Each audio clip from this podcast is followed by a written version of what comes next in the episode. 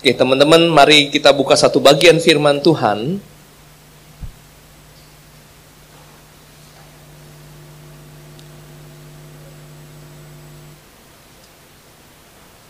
Dari dari Yakobus pasalnya yang pertama, ayat 12 sampai ayatnya yang ke-18.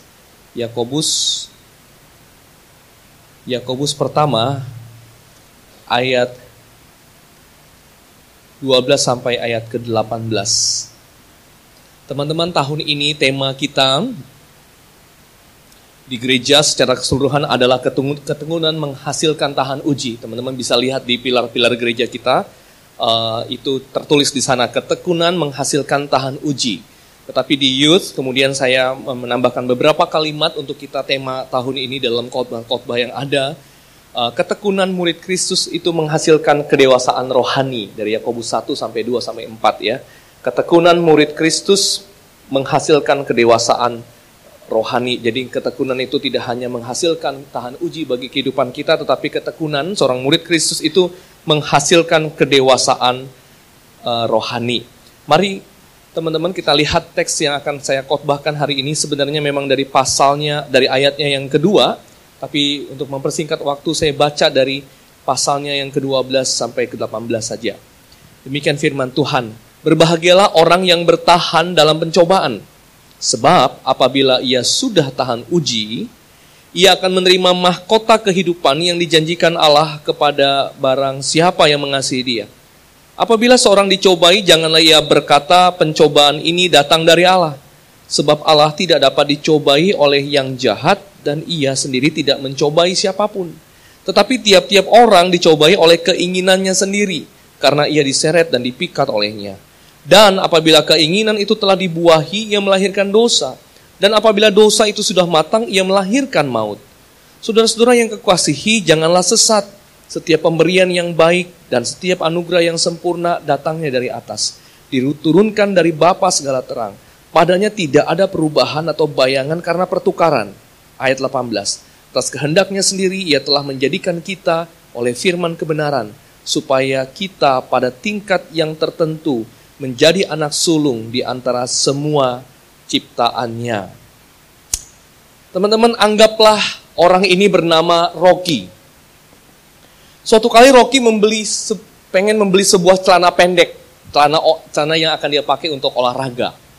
Jadi dia pergi ke satu pusat perbelanjaan ke departemen store, lalu kemudian dia ambil beberapa celana, celana pendek tentunya, lalu kemudian dia coba coba-coba pakai. Nah waktu dia di dalam fitting room dia coba-coba, kemudian dari beberapa celana yang dia ambil, ambil ada satu celana yang tidak ada alat deteksinya. Teman-teman tahu ya bentuknya, alat deteksi yang besar begitu ya. Nah dari semua celana olahraga yang dia ambil, itu ada satu alat yang tidak ada alat deteksinya. Lalu dia pakai. Pas.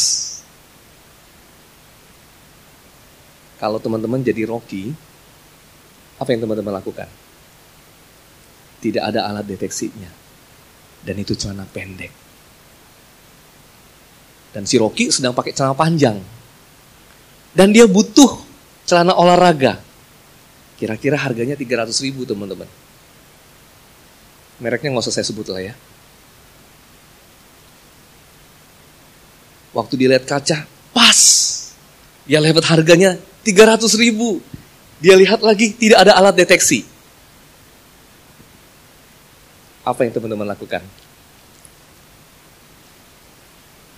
Teman-teman waktu di dalam ruang di fitting room itu teman-teman, tiba-tiba pikiran ada pikiran yang muncul begini. Sudah pakai saja. Tidak ada yang tahu kok. Jadi apa yang dilakukan? Rocky kemudian pakai celana panjangnya, dia simpan. Lalu kemudian celana-celana yang tidak dia, tidak jadi dia beli, dia taruh kembali. Lalu kemudian dia keluar dari ruangan departemen store itu. Oke nggak? Teman-teman, kira-kira kalau berhasil satu kali, berhenti atau coba lagi? Ayolah, kalian kan pengalaman. Coba lagi nggak? Datang lagi ke departemen store, lalu kemudian cari celana yang tidak ada alat deteksinya. Lumayan 300 ribu. Adidas, Nike, Puma, apalagi. Ya. Lumayan 300 ribu. Pakai celana panjang lagi. Tapi tidak hanya itu teman-teman. Waktu dia berpikir seperti rock, berpikir seperti itu, ya, dia mulai berpikir apa ada cara yang lebih baik daripada ini. Ingat teman-teman, Rocky itu tidak punya maksud jahat untuk mencuri pakaian sebenarnya. Awalnya, awalnya dia mau apa? Dia mau beli. Dia mau beli. Tetapi pencobaan itu datang tiba-tiba di fitting room. Makanya lain kali kalau celana, pakai celana, cobaan celana pendek, eh, daleman, jangan pakai di fitting room. Pakai di sebelah kasir. Ya. Di fitting room banyak pencobaan di sana, bukan? Akhirnya apa? Mulai tergoda. Pencobaan itu pasti datang tiba-tiba, betul ya? Pencobaan itu datang tiba-tiba. Di mana aja. Nah teman-teman, lumayan kan celana olahraga seharga 300 ribu jadi miliknya. Celana pendek itu dia pakai, lalu teman-teman apa yang terjadi? Dia coba lagi teman-teman. Muncul di benaknya, kemudian sampai di rumah, dia dia dia googling, ya, tanya Om Google bagaimana caranya melepaskan alat pendeteksi. Ada nggak yang tahu caranya? Ada nggak? Til? Nggak tahu caranya. Frankie tahu nggak? cara melepaskan alat pendeteksi baju. Awi tahu? Dedi nggak tahu. Kok kalian pada polos-polos semua? Nah, kayaknya yang baru pulang dari Jogja nih, pasti banyak tahu. Gimana, Van? Jogja gimana Jogja? Eh, Jogja gimana? Gimana cara alat pendeteksi?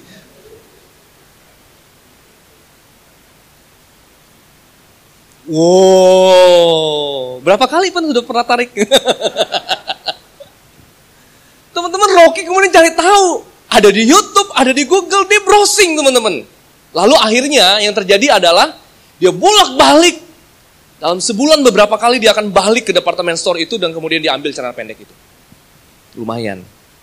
Kemudian jual di online. Kapan kira-kira Rocky akan berhenti?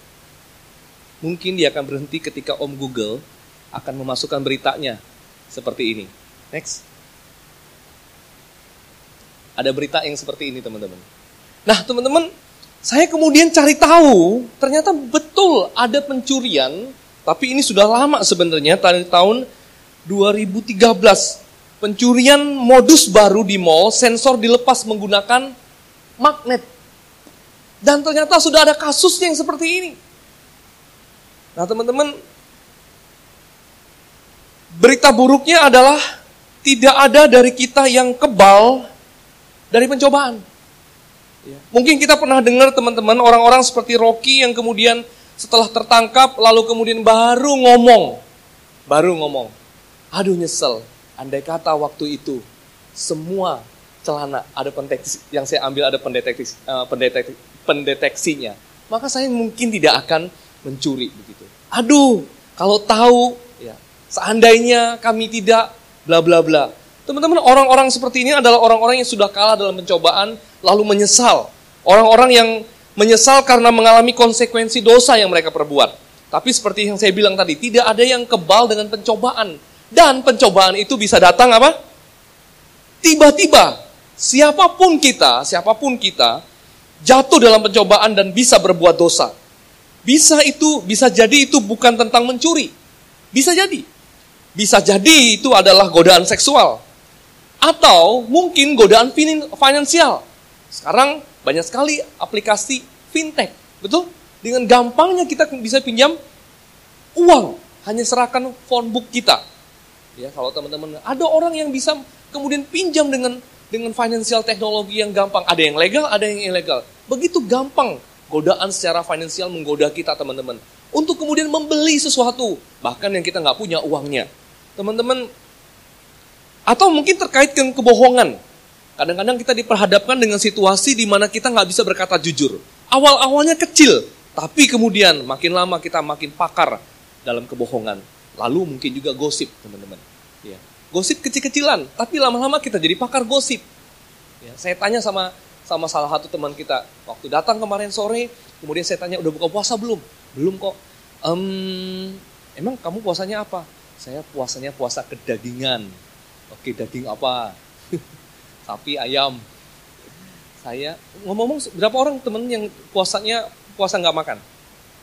Yoyo pasti ya udah tahu meskipun batal satu hari gara-gara jeruk. Ya. Ada lagi? Uh, ya. Banyak ya, lumayan ada yang puasa. Nah teman-teman, um, saya tanya sama teman ini, kamu puasanya apa? Puasa tidak ngomongin orang. Wow.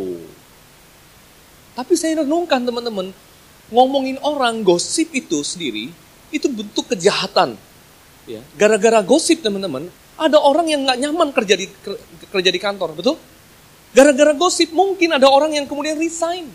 Gara-gara gosip jadi malas kerja. Gara-gara gosip nggak enak kerja dalam satu tim. Teman-teman hati-hati dengan seperti ini dan godaan itu bisa datang kapan aja, siapa aja, di mana aja teman-teman. Atau bahkan sakit hati yang menggerogoti teman-teman karena orang-orang yang teman-teman tolong kemudian diam-diam menusuk dari belakang godaan untuk membalas itu jelas ada di sana. Lalu pertanyaannya teman-teman, bagaimana supaya kita tidak jatuh dalam pencobaan dan berbuat dosa? Tadi saya bilang kan ya, pencobaan itu bisa kapan saja datangnya dan itu di mana aja dan tiba-tiba. Tapi pertanyaannya adalah bagaimana bagaimana kita yang bisa berhadapan dengan pencobaan setiap hari itu bisa menang atas pencobaan itu? dan tidak jatuh dalam dosa. Teman-teman, mari kita lihat dari ayat firman Tuhan yang kita baca. Dari Yakobus 1 ayat 12 ayat 8, uh, eh, sampai 18 itu. Dalam ayat 12 kita baca begini kalimatnya. Perhatikan ya teman-teman di Alkitabnya. Dalam ayat 12 kita baca begini, berbahagialah orang yang bertahan dalam pencobaan. Jadi dari ayat ini, firman Tuhan ini berkata, berbahagialah orang yang tahan dalam pencobaan. Bukan jatuh dalam pencobaan, tapi bertahan dalam pencobaan. Jadi ada pencobaan-pencobaan yang datang, orang ini bertahan. Tetapi teman-teman, ayat 13 ditulis begini. Apabila seorang dicobai, janganlah ia berkata pencobaan ini datangnya dari Allah. Kayaknya ada yang kontradiksi kan? Yang satu, yang atas katakan berbahagialah orang yang bertahan bertahan dalam pencobaan. Tetapi ayat 12, 13 katakan apabila seorang dicobai jangan jangan katakan, jangan ngomong bahwa pencobaan itu datangnya dari Allah. Jadi sepertinya ada yang berbeda ini. Itulah sebabnya kemudian teman-teman ada orang-orang yang membedakan antara ujian dan pencobaan ujian itu datangnya dari Tuhan, lalu pencobaan datangnya dari dari mana? Dari iblis katanya. Tapi teman-teman perhatikan, Alkitab tidak pernah mencatat bahwa pencobaan itu datangnya dari dari mana? Ada nggak? Coba kita baca. Sebab Allah tidak dapat dicobai oleh yang jahat dan ia sendiri tidak mencobai siapa pun. Tetapi tiap-tiap orang dicobai oleh teman-teman saya pikir begini. Saya tidak tahu di ayat yang lain. Tapi mungkin iblis itu datang mencobai kita. Teman-teman boleh baca bukunya C.S. Lewis berjudul The Screw Tape Letters. Screw Tape Letters itu buku yang menarik teman-teman. Memang agak sedikit susah dibaca, tapi ya oke okay lah pendek-pendek karena itu bentuknya surat. Tapi itu surat iblis tua kepada iblis yang muda.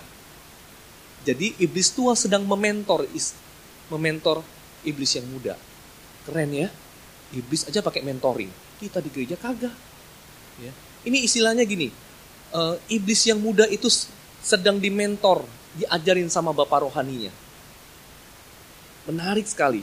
Di sana memang kelihatannya si jahat itu melakukan pencobaan demi pencobaan, memberikan pencobaan. Tetapi Alkitab, teman-teman, paling tidak di Yakobus ini berkata bahwa pencobaan itu bukan datangnya dari iblis. Tetapi dari keinginan kita sendiri. Nah, teman-teman, betul tidak bahwa memang ujian itu dari Tuhan dan pencobaan itu dari iblis? Teman-teman, saya lebih setuju dengan pandangan yang berikut ini. Seperti ini. Jadi, Pencobaan itu dalam bahasa Inggrisnya itu trial. Pencobaan. Trial. Trial itu lagi uh, apa ya? Ya memang pencobaan ya. Masa percobaan, ya kan? Jadi kalau di, lagi kerja masuk dalam masa percobaan, nggak enak kan ya? Dicobain tiap hari telat nggak gitu kan ya? Kalau kalau telat ya udah gagal begitu kan ya. Kerjanya rajin nggak? Nah teman-teman trial kalau dalam hal ini trial itu bisa menjadi dua hal. Yang pertama trial itu bisa menjadi testing, ujian, atau temptation, godaan. Oke, ini kalau kamu ngerti baik-baik ini akan mengubah pandanganmu terhadap dan doamu ketika kamu berkata, ya Tuhan jauhkanlah kami dari pencobaan begitu ya. Teman-teman perhatikan ya, trial, pencobaan bisa jadi dua, testing dan apa? Temptation. Yang testing ini ujian, yang ini godaan. Nah, teman-teman lihat lihat jalannya nih. Ujian itu kalau kita menjadikan pencobaan sebagai ujian, maka ujian ini akan menghasilkan ketekunan. Dan ketekunan harusnya ke sini menghasilkan namanya maturity, kedewasaan. Ya.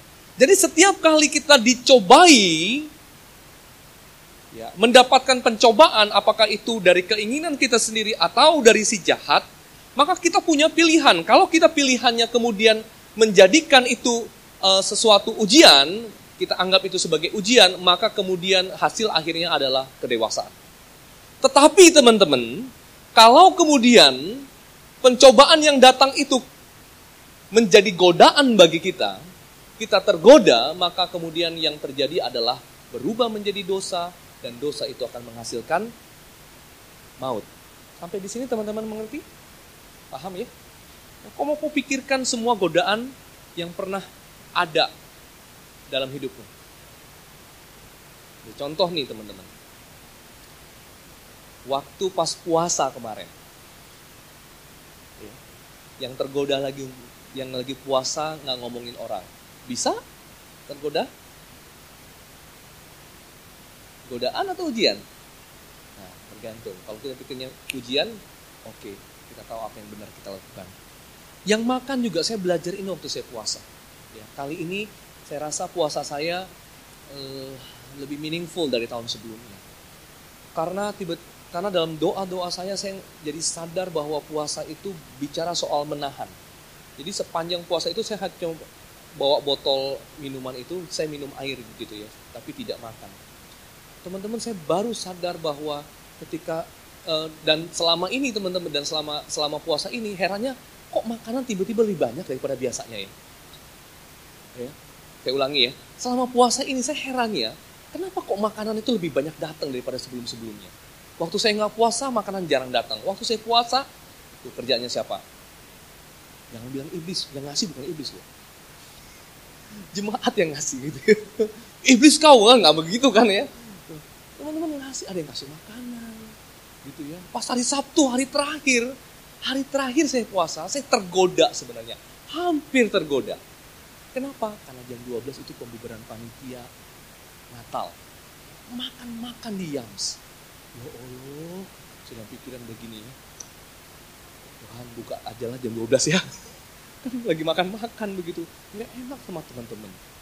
Lalu jam setengah dua, saya rapat dengan Departemen Remaja Pemuda Ya, mereka ngopi, makan enak. Saya cuma lihatin air minum.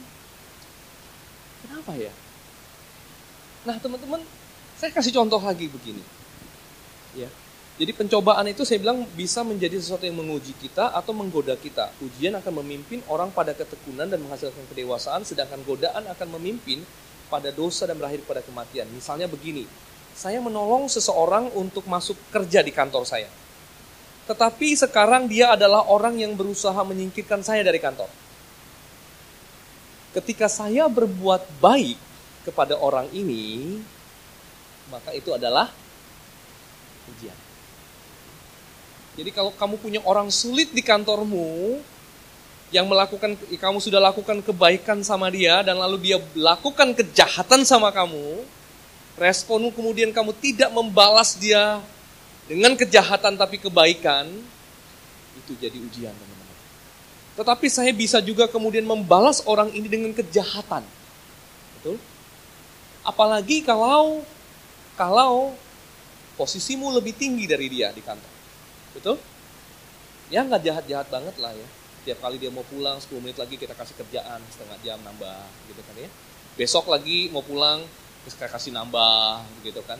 Tambah kerjaan. Sampai dia kesel dengan tujuan supaya dia keluar dari kantor ini.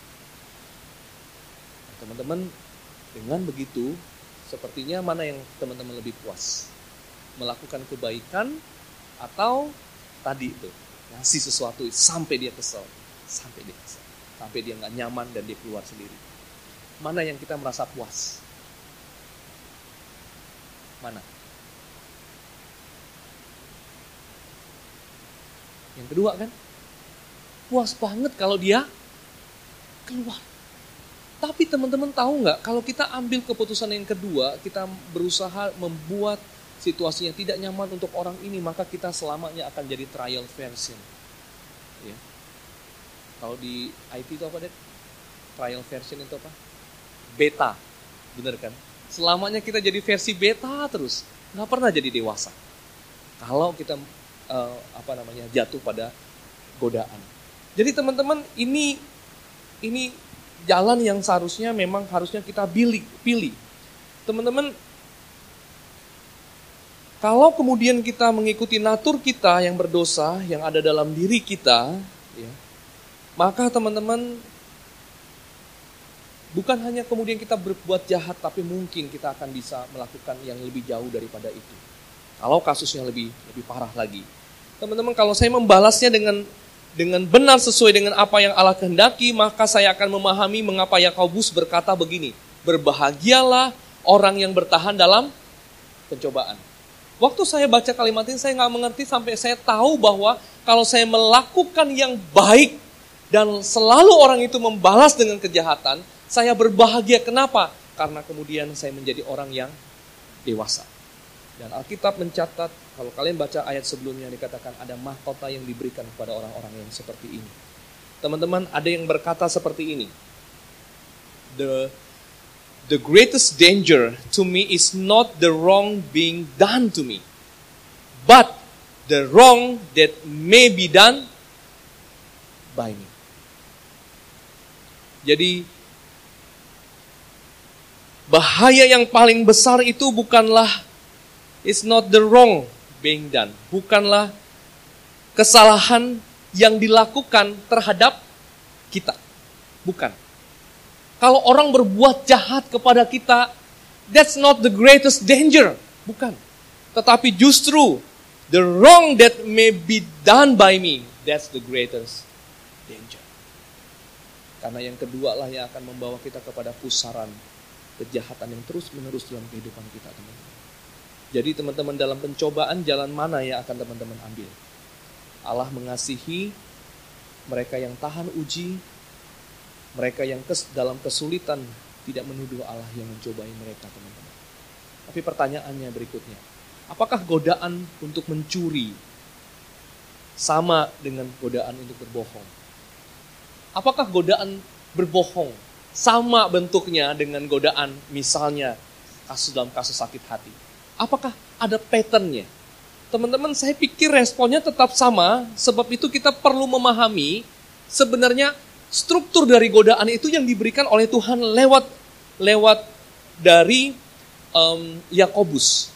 Teman-teman kalau teman-teman perhatikan kalimat yang di, yang diberikan oleh Yakobus, Yakobus itu menjelaskan bahwa pencobaan itu bisa menjadi seperti umpan. Pencobaan itu selalu bentuknya menarik. Betul nggak? Saya kasih apple Gambar Apple ini, meskipun Adam dan Hawa tidak jatuh gara-gara buah apple, ya, tapi kalau lihat apple ini, kayaknya menarik bukan? Merahnya ranum, ya, terus kemudian berkeringat, pasti habis jogging. Ya. Merahnya enak, aduh itu kayaknya kalau lagi lapar-lapar ya, kalau gitu ya. Bunyinya keras lagi ya. Aduh tuh enak banget. Kalau yang nggak suka buah mah enggak. Kayak Sela dia nggak tertarik yang beginian. Dikupas dulu begitu ya. Tapi kalau kita, waduh renyah banget. Nah teman-teman apa pun bentuknya pencobaan itu, pasti bentuknya itu menarik. Maksud saya begini, ada ada orang yang tidak tertarik dengan godaan seksual. Enggak, enggak tertarik. Telanjang pun di depannya, dia enggak tertarik. Biasa aja, pakai baju lagi. Ada yang begitu kan ya? Tapi ada orang, teman-teman, yang tertarik dengan apa? Lihat uang 100 ribu, ah, jangan 100 ribu, 10 ribu, jatuh di taman jogging. Wah langsung. Ya kan? Ada yang tertarik dengan uang. Teman-teman, jadi Alkitab itu menggambarkan begini. Pencobaan itu seperti umpan yang diberikan seperti kepada ikan. Dan itu sangat menarik. Saya membayangkan begitu umpan itu jatuh ke air teman-teman. Itu ikan melihatnya langsung menarik. Kemudian ada aromanya. Dari daging atau dari udang itu yang menarik hati dari ikan itu. Tanpa kemudian ikan itu menyadari bahwa di balik daging, di balik umpan itu tersembunyi kail yang bisa menggeret mengakhiri hidupnya. Teman-teman seperti itulah pencobaan menarik langsung mengail kita. Ambil contoh teman-teman waktu pacaran. Bisa jadi seperti itu. Waktu kemudian kita dekat dengan pasangan, berdua dengan pasangan, kemudian ada sesuatu yang kemudian terjadi dalam hati kita, bukan? Di dalam diri kita. Mulai kemudian kita berdebar-debar dan sebagainya, dan kemudian kita masuk yang masuk ke dalam pola yang namanya the, the slippery slope of sin. Ini teman-teman. Next. Nih, the slippery slope of sin. Apa itu eh, the slippery slope of sin ini kalau diterjemahkan lereng licin dari dosa. Jadi di halaman pertama godaan itu muncul. Lalu teman-teman yang kedua itu terbawa oleh nafsu sendiri. Jadi kita yang terbawa oleh nafsu sendiri. Kemudian yang ketiga teman-teman nafsu itu melahirkan dosa dan dosa itu kemudian mendatangkan maut. Jadi selalu bentuknya seperti ini. Mulai ada enticement appears, ya, godaan yang menarik, lalu kemudian godaan yang menarik itu menarik kita. Karena natur kita memang berdosa. Dan saya pikir teman-teman, inilah juga yang terjadi, polanya sama yang terjadi pada siapa? Next. Pada Daud dan Bathsheba. Coba, berapa menit waktu Daud lihat Batseba lagi mandi, berapa menit kemudian Batseba sampai ada di depan Daud? Saya yakin tidak secepat GrabFood. Ya. 13 menit on the way Apalagi kalau teman-teman baca kitab Esther. Kitab Esther itu sepertinya memberikan gambaran seperti ini. Ketika wanita itu sedang mau menghadap raja, wanita itu akan dipersiapkan dulu. Dengan wewangian dan sebagainya, pakaian yang terbaik, lalu kemudian baru dia menghadap raja. Saya yakin pasti teman-teman. Batseba itu nggak pakai handuk aja. Dibawa langsung di depan Daud. Daud, nih, enggak Pasti banyak, kemungkinan besar paling tidak mungkin teman-teman. Baru satu hari berikutnya Batseba ada di depan Daud. Atau mungkin lebih daripada itu. Tapi teman-teman bayangkan, bertahannya godaan itu lama. Di mana? Di sini. Daud sudah mulai membayangkan yang tidak-tidak mungkin dalam kepalanya. Tiba-tiba teman-teman waktu Daud membayangkan itu pop up ada ayat. Ting, gitu kan ya. Ada ayat firman Tuhan yang muncul dalam kepalanya, tapi dia singkiri. Karena godaannya terlalu kuat. Teman-teman bayangkan seorang raja yang yang kita tahu banyak menulis mazmur oleh Tuhan uh, untuk Tuhan. Banyak menuliskan ayat firman Tuhan yang katanya dia adalah orang yang the man before God's heart. Orang yang dekat dengan Tuhan. Tapi orang seperti ini teman-teman kemudian jatuh dalam pencobaan. Teman-teman, jika Daud yang hatinya dekat dengan Tuhan saja bisa jatuh dalam dosa seperti itu, siapa kita? Siapa kita? Seorang teolog pernah menulis kalimat ini dalam bukunya. Next. Small compromises over time may lead to major moral compromise. Sin, even small sin, will always take you farther than you want to go and cost you more than you want to pay. Kita harus sadar bahwa dosa selalu akan membawa pada kehancuran. Bahkan teman-teman, saya pikir begini nih. Dosa selalu dosa menghalangi kita untuk mengeluarkan potensi yang terbaik yang kita miliki semua yang terbaik yang ada dalam diri kita, gara-gara dosa, bisa hancur semuanya dan tidak muncul potensi yang terbaik. Saya ambil contoh teman-teman. Ambil contoh. Adam dan Hawa. Adam dan Hawa ditinggal di tempat yang terbaik yang Tuhan pernah buat di dunia ini. Betul? Tapi karena dosa mereka harus tinggalkan tempat yang terbaik itu. Apalagi teman-teman. Kalau begitu bisa jadi begini. Ya potensi yang terbaik tidak muncul karena ada dosa kemalasan yang ada dalam diri kita. Kita tergoda untuk lebih membuang-buang waktu kita di tempat tidur. Tidur sebentar lagi, tidur sebentar lagi, beristirahat sebentar lagi. Potensi terbaik itu hilang. Berapa banyak teman-teman potensi yang kita miliki, kita miliki, itu kemudian terpendam begitu saja. Hanya gara-gara dosa kemalasan. Apalagi? Banyak. Saya salut dengan Greta siapa namanya itu uh, uh, seorang aktivis masih umur anak masih umur remaja tapi kemudian dia berdiri di depan banyak orang kemudian uh, apa namanya menyuarakan tentang tentang climate change kalau saya tidak salah saya baca kisahnya dia memprotes dia memprotes pemerintah dan orang-orang dan orang yang lain yang tidak memperhatikan uh, lingkungan setiap hari Jumat dia bolos dari sekolahnya. Jangan dilakukan ya, jangan bilang saya yang suruh ya. Setiap hari Jumat dia bolos dari sekolahnya, lalu kemudian dia protes, dia ikut protes, dipegang spanduk. Lalu gerakannya itu teman-teman diikuti oleh banyak orang lain. Bahkan mempengaruhi orang tuanya, mempengaruhi uh, mamanya. Dia kemudian protes orang tidak boleh naik pesawat. Saya belum cari tahu kenapa nggak boleh naik pesawat ya. Apa menghasilkan gas dan sebagainya, menghasilkan kemudian membuat atmosfer kita uh, ini bisa jadi. Tetapi kemudian gara-gara dia mamanya kemudian juga berhenti untuk berhenti naik pesawat. Tidak hanya itu, dia diundang untuk menjadi pembicara ke negara yang lain teman-teman dan itu harus melintasi dan dia kemudian memutuskan juga untuk naik apa? Naik kapal. Teman-teman, ekstrim memang. Tapi saya melihat sisi yang begini teman-teman. Greta ini memakai potensi yang ada di dalam dirinya untuk kemudian menyadarkan orang betapa pentingnya menjaga lingkungan. Saya pikir waktu 16 tahun saya ke mana ya? Saya khawatir, saya merenungkan beberapa teman belakangan ini. Ada teman-teman yang kuliahnya bagus kan.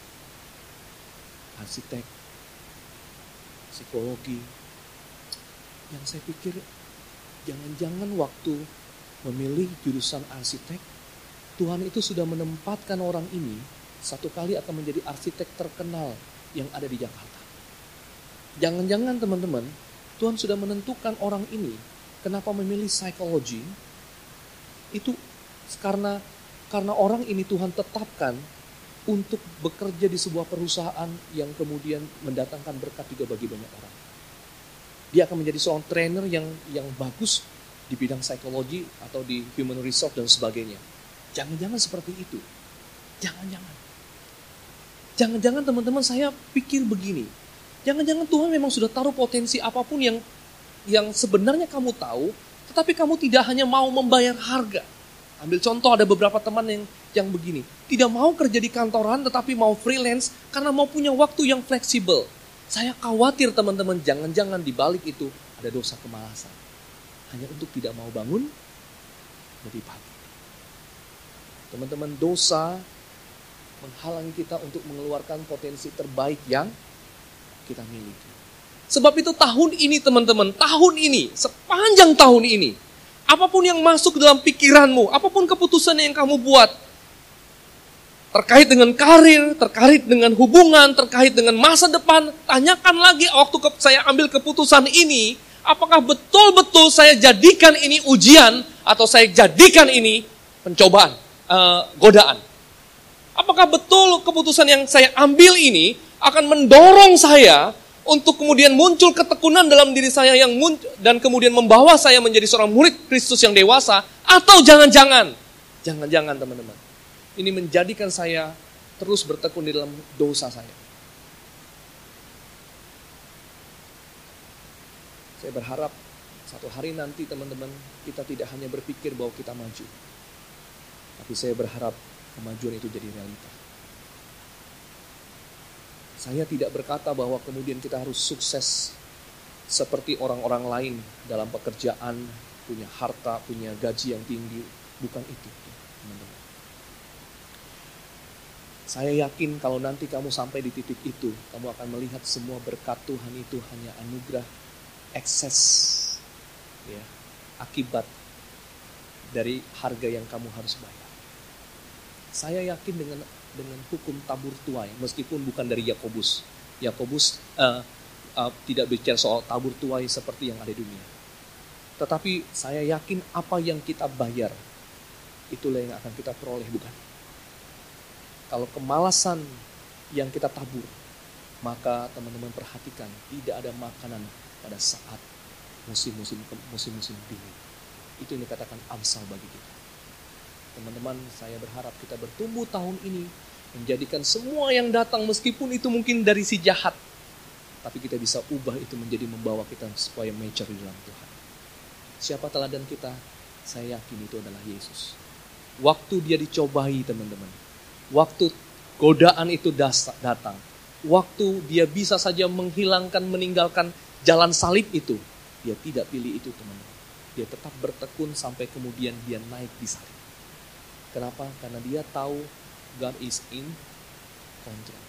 Dia naik ke salib karena yang dia karena yang iblis tidak tahu bahwa ujian pencobaan yang diberikan oleh iblis itu justru adalah jalan di mana kemudian dia meninggikan Tuhan dan menyelesaikan pekerjaannya di bumi. Teman-teman, andaikan jalan yang di depan kelihatan sulit. Tanyakan jangan kepada Tuhan, apakah mungkin ini jalan yang Tuhan sedang sediakan bagi kita supaya nanti satu hari nanti itu adalah puncak di mana kita menjadikan Tuhan sebagai pusat hidup kita dan diketahui oleh orang lain. Mari kita.